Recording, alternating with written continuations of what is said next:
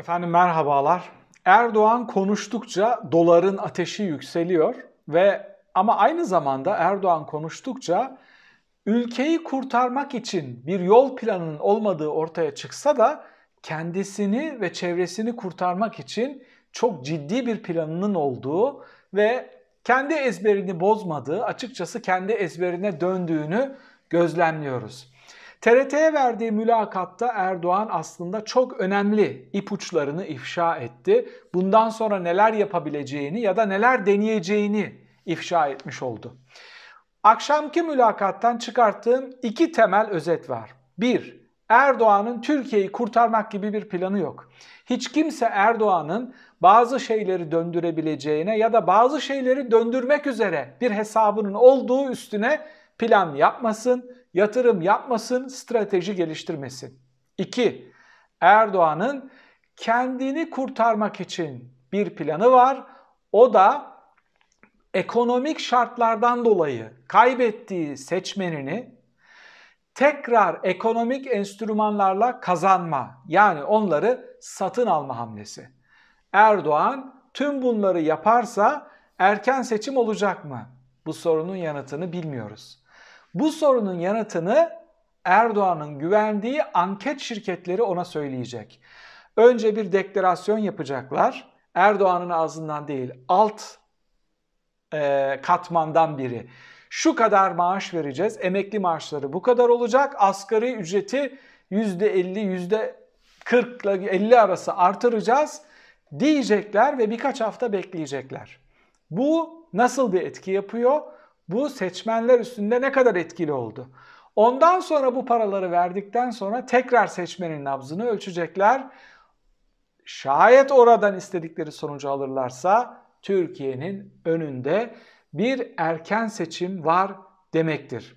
Erdoğan'ın yol haritasını ve bu enstrümanların seçmen üstünde etkili olup olmayacağını ve muhtemel erken seçimin ne zaman olabileceğini özetliyorum.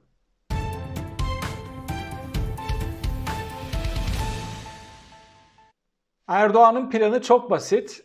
Basacak parayı ve e, elindeki propaganda kırbacıyla kendi kitlesini kırbaçlayıp biraz hamaset, biraz fetihçilik, biraz İslamcılık ama daha çok nakit. Nakit parayla birlikte, sıcak parayla birlikte onların fikirlerini döndürmeye çalışacak. Bu mümkün mü? Bu mümkün. Nasıl mümkün? Yani çok değerler üstünden siyaset yapan bir seçmen kitlesi yok. Her şeyi birbirimize itiraf edelim. Asgari ücrete yapılacak %40 zam 3-4 ay içinde ya da 5 ay içinde eriyip gitme şansı yok. Onun için doların çıkarabileceği yere kadar şimdi onu çıkartıp bundan sonra onu ellerinde kullanabilecekleri enstrümanlarla kısmen onu düşürürken, görece bir başarı elde ederken diğer taraftan da asgari ücretli işçinin alım gücünü kısmen artırarak bir denge bulmaya çalışacaklar. Bu Erdoğan'a, partisine pozitif olarak yansır mı? Yansır. Bakın dün Kılıçdaroğlu'yla bile Erdoğan'ı yeneriz diyenler yarın ellerinde tek bir aday kalacak. Tek bir tane. Ya Mansur Yavaş ya Ekrem İmamoğlu. Saray bunu çok iyi bildiği için bir taraftan ekonomik düzeltmeler yaparken diğer taraftan MHP ile birlikte Mansur Yavaş'a saldırıyor. Bakın Mansur Yavaş'a saldırmalarının sebebinin hiçbir izahı yok. Ülkücülükle, Türkeşçilikle vesaireyle hiçbir açıklaması yok. Yarın Kılıçdaroğlu ihtimalinin opsiyonunu masadan kalkma ihtimali olduğu için MHP tabanından, AKP tabanından ve kararsızlardan en güçlü oyu, en des yüksek desteği alabilen iki adaydan biri. Hatta birincisi Mansur Yavaş olduğu için MHP tabanının hali hazırda %60'ının zaten AKP'ye düzeltiyorum Erdoğan'a oy vermediğini gördükleri için ve çok kolay bir şekilde Mansur Yavaş opsiyonu masa üstüne gelirse oraya yönelebileceklerini algılayabildikleri için Mansur Yavaş'a saldırmaya başladılar. Saldırma da değil, tehdit ediyorlar. Yani bu kadar açıktan bir insanı nefesimiz ensesinde ne demek? Bu ölüm demek, vurmak, kırmak demek. Bu bir tehdit. Bu tehdidi yapmalarının sebebi ülkücülük değerleriyle falan filan değil, Erdoğan'ın önündeki en büyük korkulu rüyalardan biri. Erdoğan'ın gece rüyalarını kaça, kaçıran en güçlü potansiyel adaylardan birini saf dışı bırakmak, korkutmak, onu sahadan çekmek ya da umarız olmaz onları radikallerin önüne atmak gibi hamleler yapıyorlar. Peki ne demişler?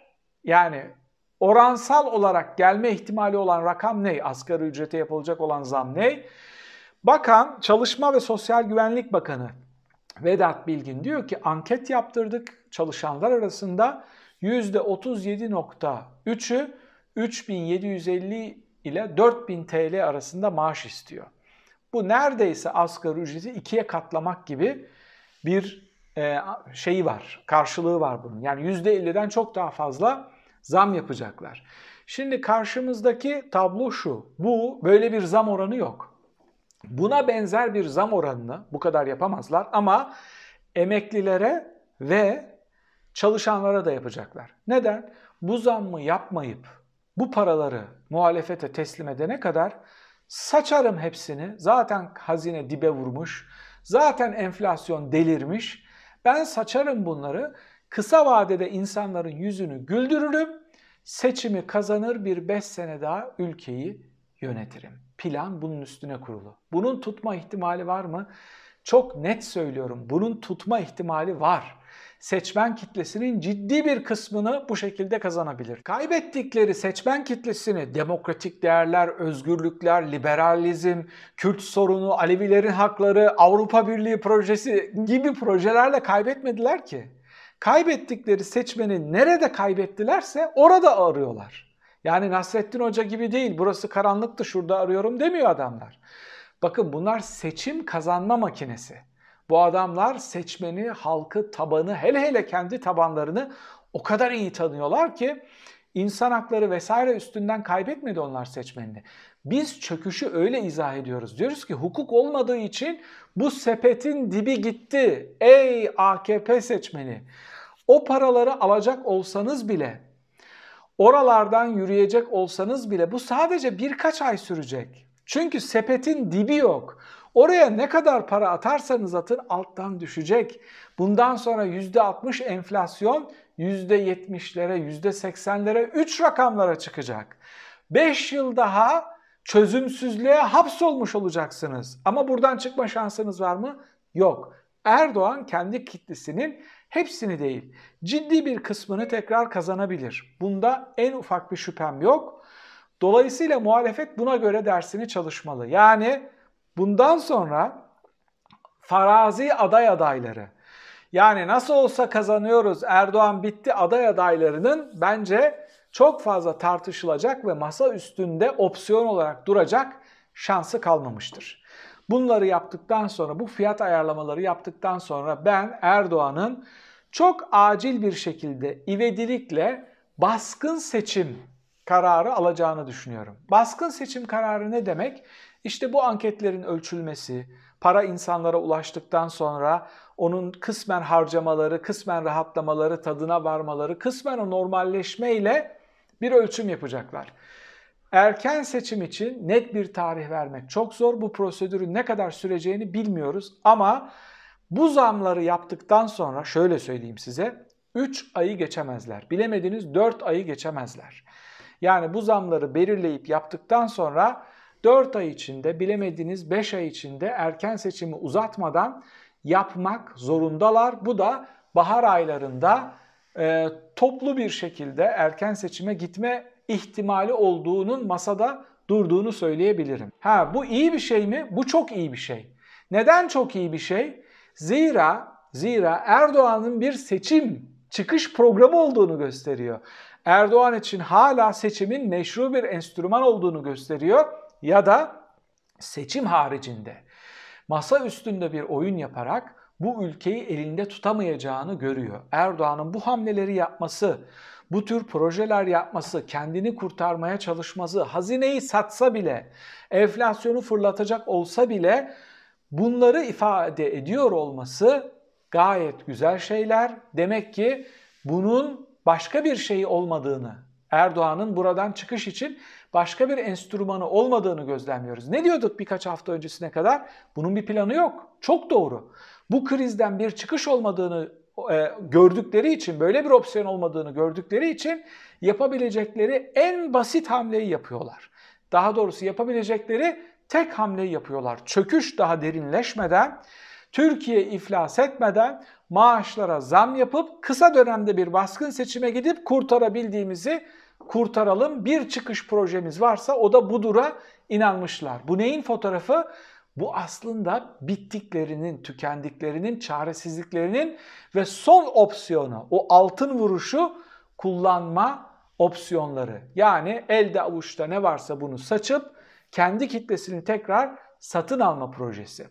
Şimdi buradan buradan tüm farazi planların bir tarafa bırakılıp bir kere muhalefetin iki etapta farklı çalışması gerekiyor. Bir, seçim güvenliğini nasıl sağlayacağız? 3-4 ay içinde seçim olursa listeler, kadrolar, adaylar, kontrol yapacaklar, verileri girecekler. Hepsinin hazır tutulması gerekiyor. 2.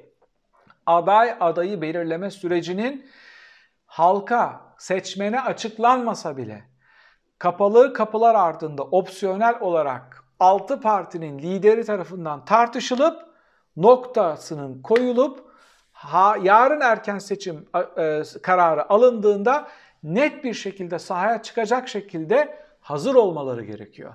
Şimdi farklı tartışmalar var. İşte bazı muhalif liderler Abdullah Gül'ü ziyaret ediyor vesaire. Bakın istişare için yapıyorsanız çok güzel. Alacağınız kararların stratejik hamlelerini ölçmek için devlet tecrübesi olan biriyle konuşuyorsanız çok güzel. Ama bundan sonra Türkiye'nin eski adaylarla, yıpranmış adaylarla, adı bin kere zikredilmiş ama cesaret edip bir kere çıkamamış adaylarla kat edebileceği en ufak bir mesafe kalmamıştır. Erdoğan'ın hamlesi, yapacağı hamle bellidir. Yapıp yapmayacağını o da bilmiyor. Saha ölçümlerinden sonra e, bunu yapacak ama masanın üstünde real politikte bundan başka bir şansı yok. Bundan başka kullanabileceği bir opsiyon da yok. Onun için siz de buna göre dersinizi çalışıp ödevinizi yapıp baskın bir seçime belirlediğiniz adayla bunu bize açıklamayacak olsanız bile belirlediğiniz adayla hazır bir şekilde bekliyor olmanız gerekiyor.